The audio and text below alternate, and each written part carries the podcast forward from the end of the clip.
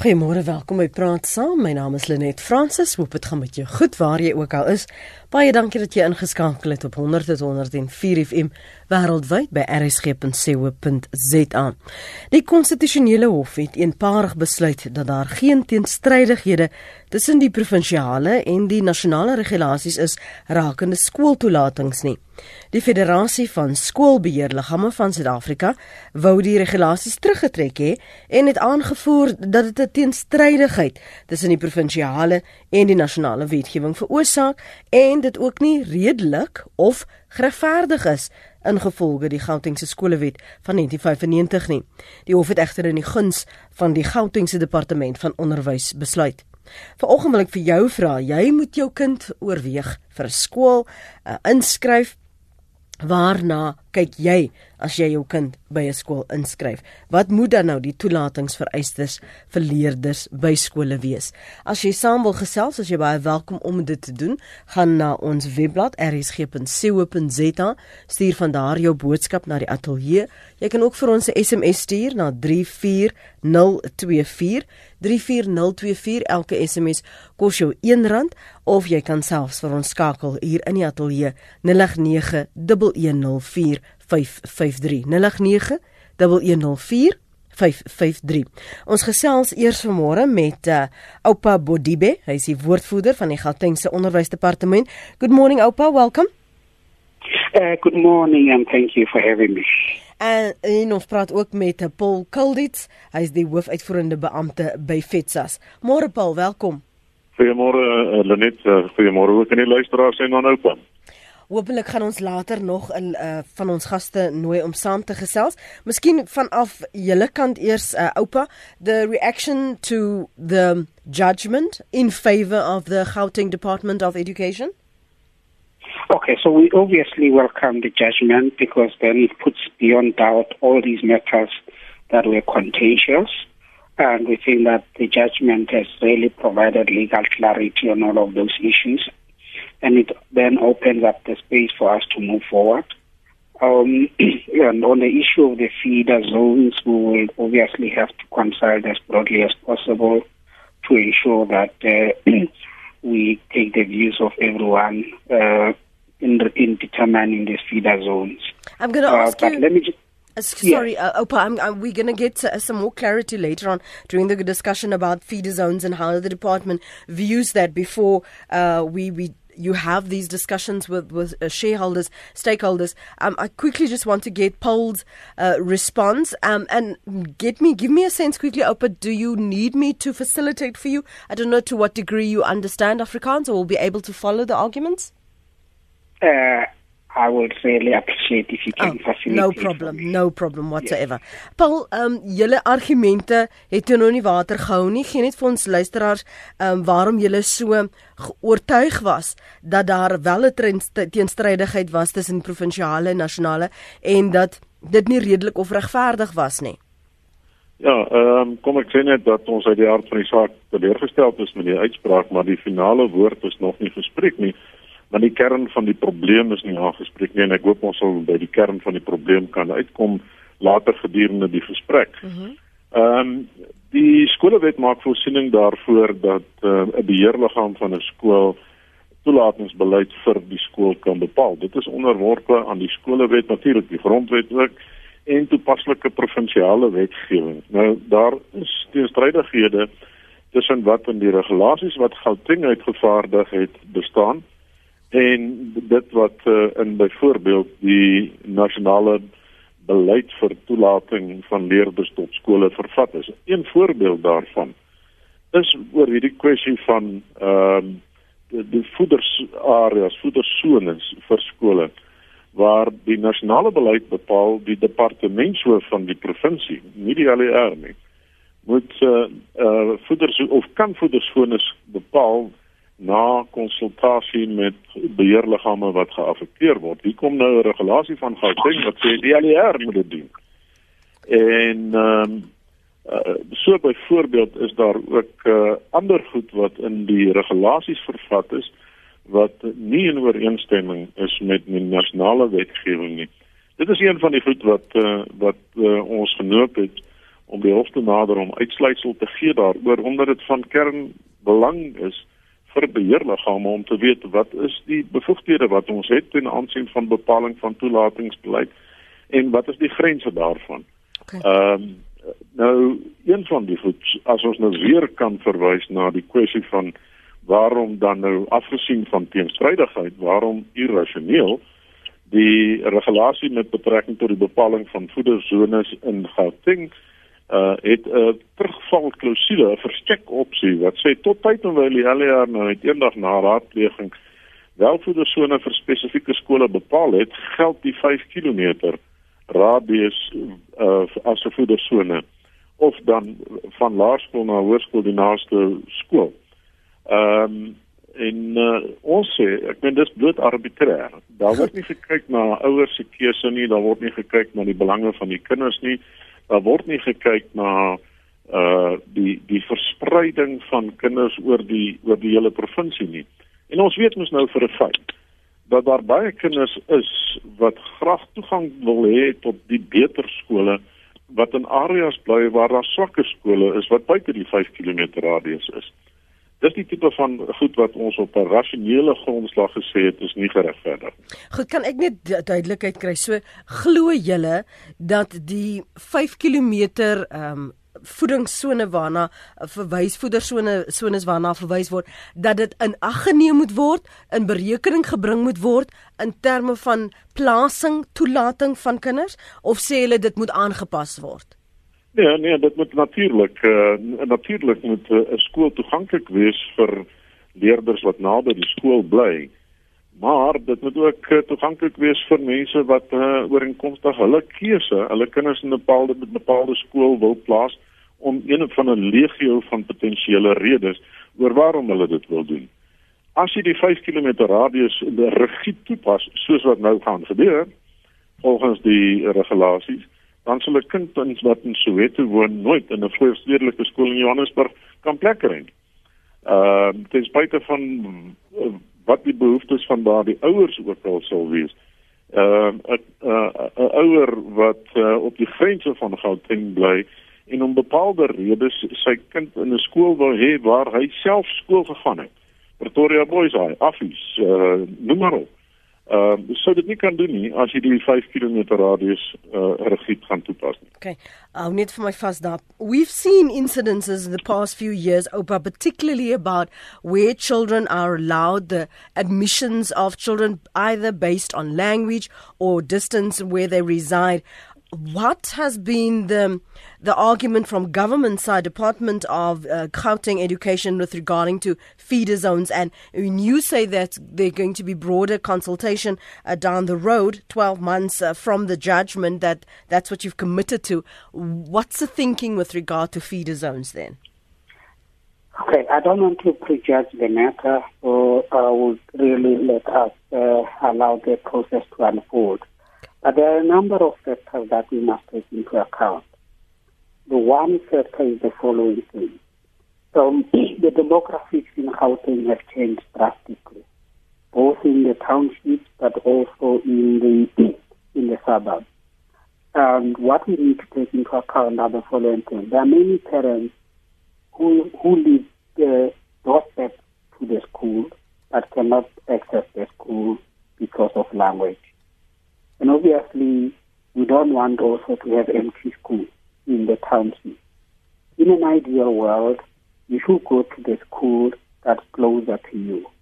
But if we simply say only those who live within the proximity of the school must have access to that school, what you will then do is to freeze apartheid geography for, perpet- for perpetuity, which means uh, schools in the suburbs will remain exclusively for white uh, with a sprinkling of blacks, and uh, schools in the townships will remain completely uh, black. And that does not really give parents a choice to access a school of their choice. And obviously, we have to respect language, and, and I think I need to emphasize this. This admissions policy is not about killing a language it's about making sure that all children have access to a public school. Mm. um, to also get mother tongue instruction. And when I say demographic, demographics have changed, even in the townships, you had schools that were demarcated on the basis of language. But there is no place in the township that's now still exclusively one language group. Um, and so the school must belong to the immediate community, to everyone. And we need to make sure that we enter into a conversation with those governing bodies where the demographics around the school have changed in terms of how you enable access for all the people around the school, but also respect mother tongue instruction. You know, that's quite important. So this is not about changing mother tongue instruction. Mother tongue instruction is still a very legitimate expectation and and all languages have to be taught equally in our schools. And and and we think that we have now embarked on a scientific process to determine the need. So the online admission process is now telling us how many parents live closer to the school, but for the language cannot access the school, or but for the fact that it is only a boys' school cannot access the school. And this then really give us information and data for planning going forward. Mm. Because we must plan a public school in such a way that it does not exclude any learner on, on unreasonable ground. But on reasonable ground, we will still have to make sure that uh, the schools are not overcrowded, that the classes are manageable, um, and the school overall itself is manageable. So those are some of the factors that we need to take into account. In the past, there's been a lot of criticisms and, and people saying that firstly the government was targeting specific Afrikaans schools and trying to change the nature and culture of schools into dual medium schools, for example. What has been the department's response with regards to that? I think that that's a, a fear that's based on a misunderstanding and a misinformation. Let me say, as much as Afrikaans uh, as a language of instruction has a place, so do all other languages we can't continue a culture where schools are exclusively kept Afrikaans when on the doorstep of the school, many parents who live closer to the school want access. Um, and similarly, I mean, will, let's flip the coin and say, what would happen in a situation where there's dominant, predominantly Afrikaans speaking people, but the closest school is English speaking? Should we now just ignore the fact that closer to that school, the African speaking uh, children and parents who want access to that school, but because it's an English medium, they don't get access, which prejudices the parents. And so we are saying we need to engage with that school to say, look, on your doorstep, we've got lots of parents, and this is going to be on a case by case basis. But let me just simply say, one, single medium will continue to the extent that it is reasonable to do so. But where there is demand for additional language of instruction, we need to engage with the with the SGB. And and finally, this is not just about Africans, as I've said. Mm-hmm. Many township schools were designated on the basis of one language, but the demographic around that school have changed. So it, it was a Venda speaking school where only Venda was the language of instruction but you don't have sufficient numbers of Venda speaking people. At the same time, there's a demand for, for, for other people to access the school, and that needs to be taken to, up to account. We can't, we can't be blind to that and then simply say, let's just keep everybody out. But even when you say dual medium, the Afrikaans as a language of instruction will still have will still have a place in that school. So what we are saying that as a department and as a government, we need to accommodate and preserve and protect all our languages, including Afrikaans. So this is not about getting rid of Afrikaans school. I think, but we must also say that uh, the idea that people are saying we must exclude other learners, that our children can't learn together, our children can't play together, that idea is, is so prehistoric. Our children must learn together.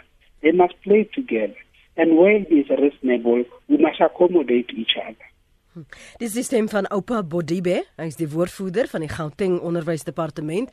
Uh, ons praat vanmôre oor die toelatingsvereistes vir leerders by skole na aanleiding van die konstitusionele hof se uitspraak, eenparige uitspraak dat daar geen teenstrydighede tussen die provinsiale en nasionale regulasies is rakende skooltoelatings nie. So wat is dan nou die volgende stap? Ons ander gas is Paul Kulditz, hy is die hoofuitvoerende beampte by FETSA. Daar's nog ander aspekte wat ons ook gaan uh, bespreek. Paul, dalk wil jy reageer op die standpunt wat ehm um, oupa huldig dat ons kinders saam moet leer, saam moet speel, saam moet groei? Ja, kom ek net eens 'n trikkie teruggee en daarvoor het oupa my nou 'n geleentheid gegee uh net en dit is om die breë perspektief te stel waarteen hierdie hele uh, stryd te afspeel. Dit gaan nie oor toegang tot onderwys nie. Uh hy het nou baie klein gelê dat uh, alle kinders toegang moet hê tot onderwys en tot skole. Iedere kind in Gauteng is op hierdie stadium in 'n skool geplaas. Waaroor dit gaan is oor die kwaliteit van die onderrig in spesifieke skole. Ek glo tog met my hele hart dat elke ouer wil vir sy of haar kind net die beste onderwys hê en dit is noodsaaklik waar ons in 'n uh, baie streng globaliserende kompeterende wêreld is vir werk en werksgeleenthede min is dat kinders baie goeie onderwys moet kry en ons weet dat in die meerderheid van skole in Gauteng en soos in die res van die land is die gehalte van onderrig swak. Ehm um, en nie na wense nie. Die gevolg is dat jy 'n toestroming het na skole wat uh, wat baie goeie gehalte onderwys bied. En die LER self gesê, byvoorbeeld uh, Pretoria Boys High het uh, binne 'n kwessie van 'n paar dae na die aanlyn aansoekprosedure aan die gang gekom het, 1700 aansoeke gehad vir 200 plekke wat uh, van kinders wat hulle kan akkommodeer.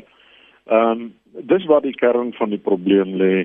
Daar is net eenvoudig enerzijds te min skole en daaroor gaan ek nou nog ietsie weer sê in Gauteng. Maar daar's ook te min skole wat regtig gehalte onderrig bied. Oor die te min skole in Gauteng, dit moet 'n mens nou ook uh, in perspektief sien. Die gemiddelde besetting van skole in Suid-Afrika is 469. Dit is nou ding uitgesluit. Met ander woorde daar's gemiddeld 469 kinders in 'n skool in Suid-Afrika. Gauteng het 960. Met ander woorde, die meeste skole is gebou op 'n plan wat voorsiening maak vir 750 leerders. Nou is daar skole in Gauteng, die goeie skole, wat 1500 tot 2000 kinders in die skool het. Ehm um, en toenemend wil die departement van onderwys in plaas daarvan om genoeg skole te bou en enerzijds en tweedens te sorg dat alle skole onderrig van dieselfde gehalte aanbied wil hulle hierdie skole wat reeds oorvol is en waar die kwaliteit van onderwys onder druk kom omdat die skole oorvol is soos oupa gesê het en hy erken dit oorvol skole plaas druk op die gehalte van onderrig uh, wil hulle net eenvoudig meer en meer kinders in die skole indruk wat gehalte onderrig bied. Dis die dis die agtergrond hiervoor. 'n beheerliggaam se verantwoordelikheid is in die eerste plek om te sorg dat daar omstandighede by die skool bestaan waar goeie gehalte onderrig aangebied kan word. Paul, ek wil gou jou onder ekskuus jammer ja. man, ek wil jou geonderbreek want ek wil hê ons moet 'n stilstaan by die die magte van SGBs by beheerliggame, ja. um sodat hy daarop kan reageer. Kom ons uh, hou net gou daai punt vas. Susan wil saamgesels en sy's op Sabi. Susan môre. Uh, Goeiemôre Lenet. Ons van ek het uh, hier uh, baie jare skool gehou by ons plaaslike hoërskool. En 'n uh, hele paar jaar gelede is ons skool gedwing uh, kom ek sê maar gedwing om Eng Engelstalige leerders in te neem. En meeste van ons kinders kom daar uit die omgewing van Bosbokrand. En ek moet vir jou sê ons het baie sukses behaal in hierdie multikulturele skool. Wat uh die die feit dat ons uh swart kinders ingeneem het wat hoofsaaklik Engels is of Engelse kinders wat hoofsaaklik swart is, het veroorsaak dat van die blanke mense hulle kinders na die naburige dorp se lelie blanke hoërskool toe geneem het. Met ander woorde, daardie skool word volgemaak deur kinders uit ander areas. En ek voel net soos wat ek 'n ondervinding gehad het met die kinders wat wetenskap gegee vir jare, ons het baie goeie uh opleiding by ons skool gehad, laas jaar 100% slaagsyfer met oorwegend swart leerders gehad. So ek weet nie of die blanke mense of die wites bang is nie Maar ek dink nie daar's net een manier om ons land te red. En dit is om uh skole te integreer sodat die kinders mekaar leer ken en dat hulle soos wat die jou spreker gesê het saam met mekaar kan speel. Kan ek gou vir julle vra, ekskuus, het julle toe toe die toelating vereisters en en aanpassings gebeur het, het julle spesifieke programme gehad? Het julle spesifiek uh moeite gedoen om integrasie aan te help? Ja, absoluut. Ons eerste wat wat gebeur het, ons moes dubbel medium uh in parallel eintlik ons is nou dubbel medium in graad 10, 11 en 12. Die onderwysers het dubbel soveel werk gehad. Die koshuis is toe uh het, het 300 kinders in uh wat oorwegend swart leerlinge is en dit was vir ons eintlik 'n riem onder die hart om daai kinders te leer ken en ook te sien dat hulle wil graag goeie onderrig kry. En hulle is blootgestel aan baie dinge wat hulle nie in hulle skole gehad het nie, maar wat ek sou sê is hulle het geleer om met blanke kinders saam te werk en die blanke kinders het geleer om met die swart kinders saam te werk. Hulle het begin sien waar kom al al twee groepe vandaan. En in die skool is daar definitief geen teken van rasisme. Die kinders kom baie goed met mekaar klaar.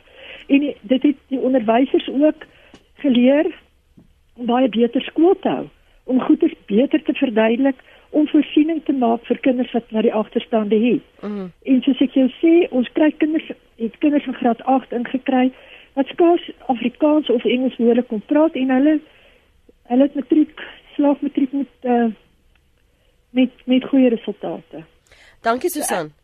Baie dankie. Waardeer dit. Oupa that was um Susan. She was just attesting to what happened in Davis School in Sabi where they yes. became double medium and the advantages and also the response to the programs, the integration what they did as a school, but also some of the parents' response to this integration but that it seems in this particular school the benefit was was ben- all round for everybody, and that um, if you look at the, the, results today, you can see that they attest to the fact that they are fully integrated. We're going to ons gaan vinnige breek vat. We're going to take a break. Um wanneer ons terugkom, praat ons verder met Paul Kalditz en Oupa Bodibe. Dan praat ons oor die magte van um hierdie beheerrade dan. As dit aan die voorkeur en goedkeur van die daardie rade gelê het aan die begin om hulle goeie oordeel te gebruik in in terme van toelating van studente waar na aanleiding van hierdie uitspraak waar lê dit en hoe lyk dit nou? So dis waaroor ons gesels. As jy nog wil saampraat as jy welkom. Ons praat oor die skooltoelatingsvereisters vir leerders by skole 0891104553. As 'n ma as 'n pa as 'n voog waarna kyk jy wat is die gerieflike omstandighede vir jou um, is soek jy sommige ouers soek dalk skole waar daar integrasie is want hulle voel hulle gaan 'n kinders daarbey baat. Anders soek weer nee soort soek soort. Nou ja, 34024 is jou ander opsie. Jy kan dit gebruik as jy 'n SMS wil stuur of stuur vir ons 'n boodskap na die ateljee. Gaan na rsg.co.za. Ons is nou nou terug. Praat saam 100 tot 104 FM. Welkom terug by Praat Saam. Dit is nou 09:30 en dis Praat Saam met my Lenet Fransis. Ons praat verder met ons gaste en dan dan verwelkom ons ook jou oproepe. So what are the powers now of this uh, SGB? What is implied uh, by by this um Okay. Thank you. I'm not sure. Uh, thanks for the caller. I'm not sure if I understood the gentleman from Fetsas, and so please help me if I miss uh, misunderstanding what he's saying. In the first instance, let's just say I think it, it will be problematic to assume that uh, if you open the doors of learning, that must automatically lead to standards uh, dropping. Uh, so it sort of suggests that uh, the other groups that are not in the school represents lower standard. But secondly, we are, as the education department, committed to maintaining standards and we're not going to just lead to, to open the floodgates to an overcrowded school. So admissions policy will still be managed in the same way that we've always been managing it, which means the the SGP will still have to exercise the overall decisions around uh, uh, admissions and admitting learners into the school and making sure that that is in line with maintaining uh, standards and quality But we're saying, and as the court has said, you can't then unreasonably exclude anyone on the basis of their income status, on the basis of their background, and on the basis of their academic performance. So uh, that cannot will not be accepted. Uh, so the school will be the first port of call on admissions. But in the ultimate end, uh, the department will have the final say in the event that, for example, there is a conflict between what the school is determining and the, the and legislation, but also when there is, we can see that there's a blatant, uh, unreasonable and unjustifiable grounds for excluding Elena. So, and that's where the issue of uh, determining how we must access the schools becomes very important. So it's still a collaborative effort. It does not take away the rights of the SGBs.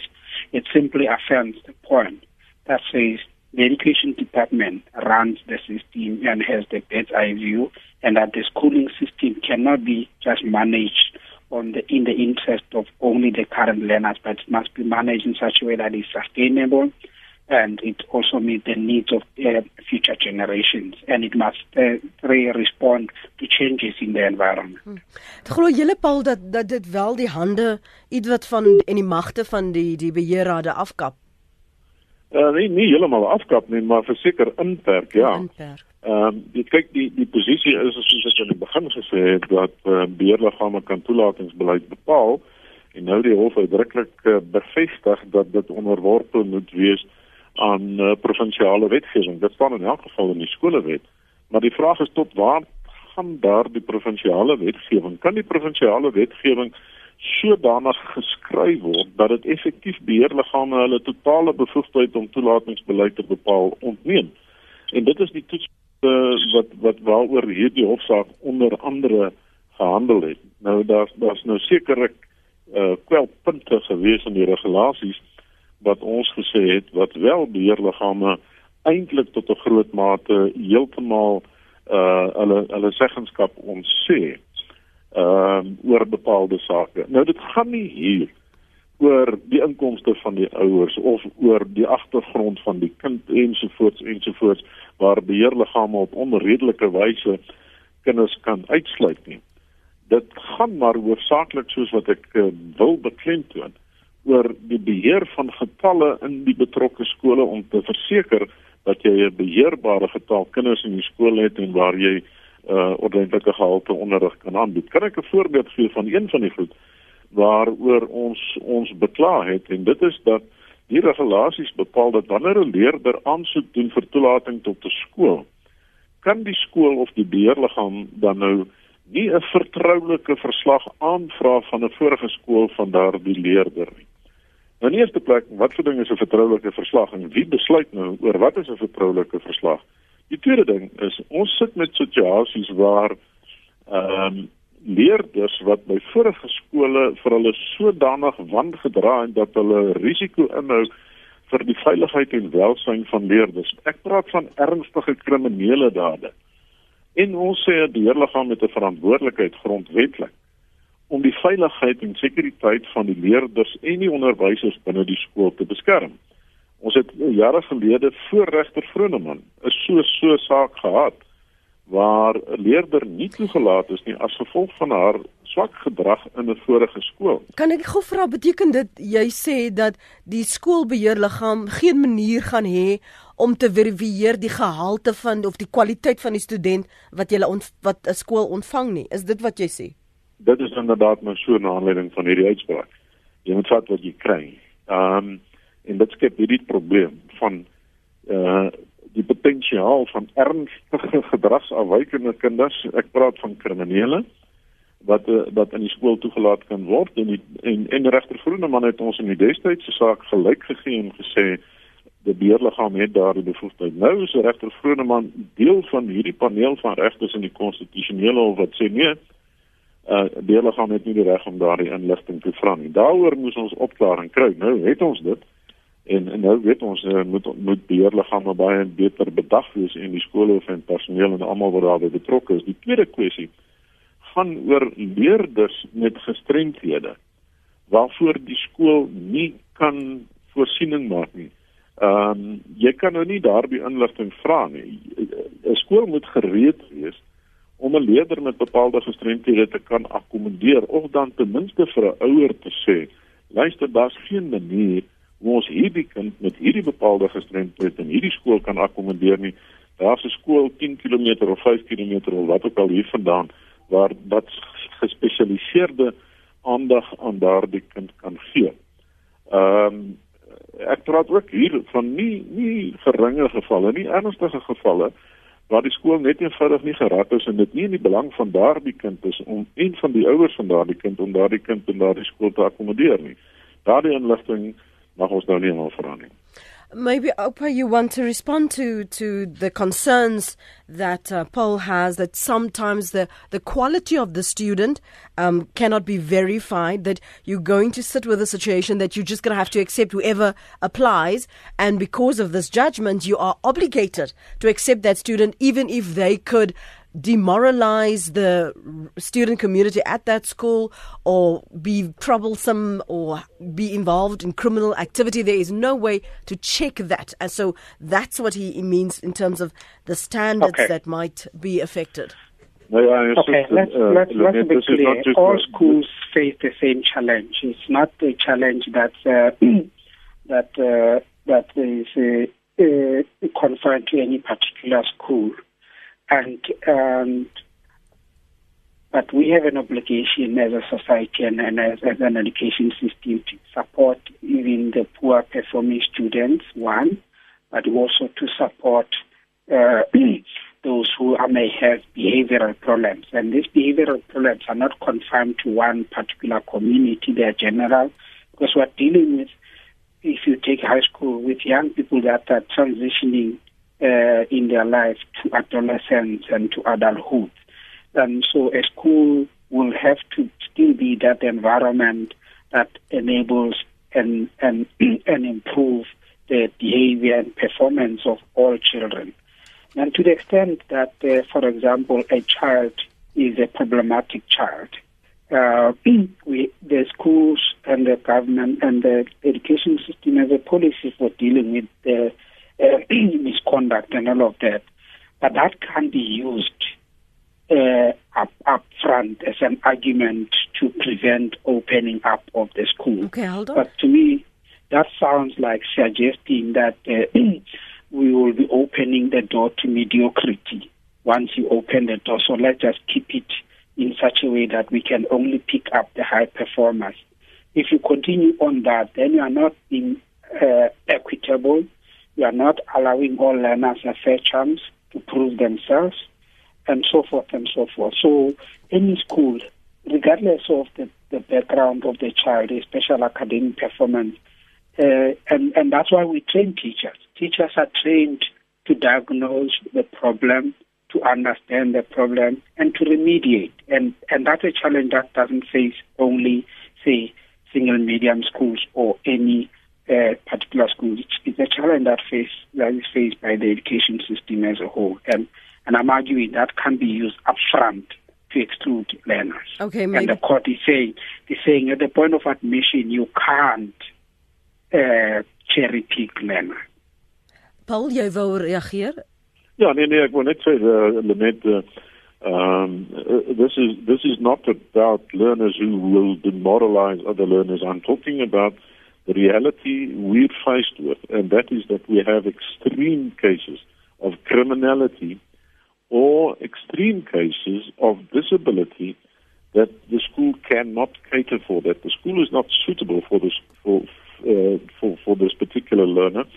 And in the case of criminality, where the life and well-being of learners in the school are endangered. That's what I'm talking about. Ek praat van ekstreme gevalle. Goed. Ons praat nie hier van die normale gevalle nie. Okay, can I respond to that? Ja, gaan voort, oupa. Okay. The issue of learner with uh, learners with disability, let's be clear, it's not within the responsibility of SGBs. It is the responsibility of districts to assess whether a learner has a learning disability and does not belong in that school. So that's already catered for. The extreme conditions of criminality, I'm not sure how you determine that. So, and the court is saying you can't be asking uh, uh, questions of that nature about a learner so that you can exclude them because you feel that they have a bad record of poor behavior. But that said, all the schools are facing potential of misconduct by learners, and including criminals, and we see that in all our schools, uh, including in the townships. And it's a challenge, the ongoing challenge that we must fight with uh, as an education system. And I'm saying we have the policies for that. But the court is saying you can't exclude a child because you think they are a criminal. Um, and, uh, and, and, and not give them a chance uh, because even the worst criminal in this land is given the right to a fair hearing, uh, to to prove their case, and and and and for remedial action. So please, let's not use that as an argument. It's not the best way to make public policy. You can't make public policy on extreme cases. Extreme cases uh, are exceptions to the rule. The rule should be all learners need to gain access to a public school, and until they have broken the trust of the education system, that's when you can deal with their their their their, their, their misbehavior. But the issue of learners with disability or learning disability, uh, as our colleagues know very well, that there is a process for assessing learning disability. And that's why as Gauteng province, we are investing a lot of money in special schools so that those learners can be removed from ordinary schools, those that can, that should not be in ordinary schools. Dis die stem van Oupa eh, Modibe, hy is die woordvoerder van die Gautengse Onderwysdepartement. Paul Kaldich is die hoofuitvoerende beampte by FETSAS. Ons is nou nou terug, dan praat ons verder saam. Uh, Basil Manuel uh, van uh, Naptosa gaan uh, sy menings deel. Ons is nou terug, moenie weggaan nie. Dis byna kwart voor 9. Jy luister na Praat Saam, weekoggende 8 tot 9. Welkom terug by Praat Saam. Nou praat ons met Basil uh Manuel. Hy is die president van Aptosa, uh, die onderwysvakbond na aanleiding van die konstitusionele hof se beslissing oor die daar dan nie 'n konflik of of teenstrydigheid is tussen die provinsiale en nasionale regulasies uh rakende skooltoelatings nie. Basil baie dankie vir jou geduld. Jy het geluister na wat ons twee gaste tot uh, dusver vanmôre sê. So die pad vorentoe, wat is die implikasies van hierdie uitspraak?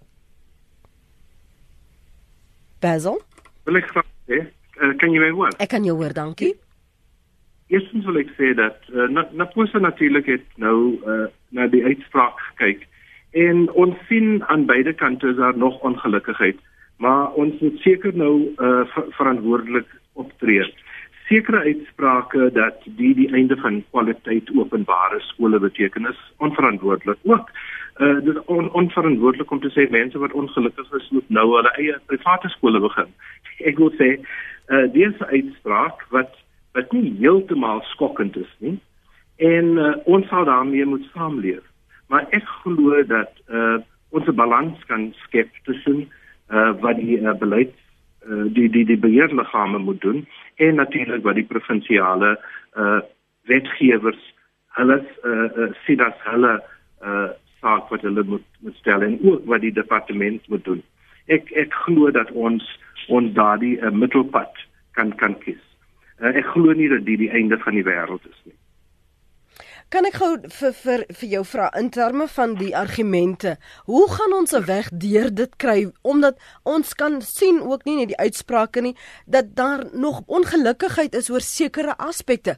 Word is dit hier 'n geval van die magtige teenoor die magteloses? Ja, en en dis waar ek graag wil inkom. Ek glo nie uh, dat dat die magte van van die beheerliggame totaal weggeneem word nie. Paul is korrek. Ek is uh, ek was uh, skool vir 18 jaar gewees.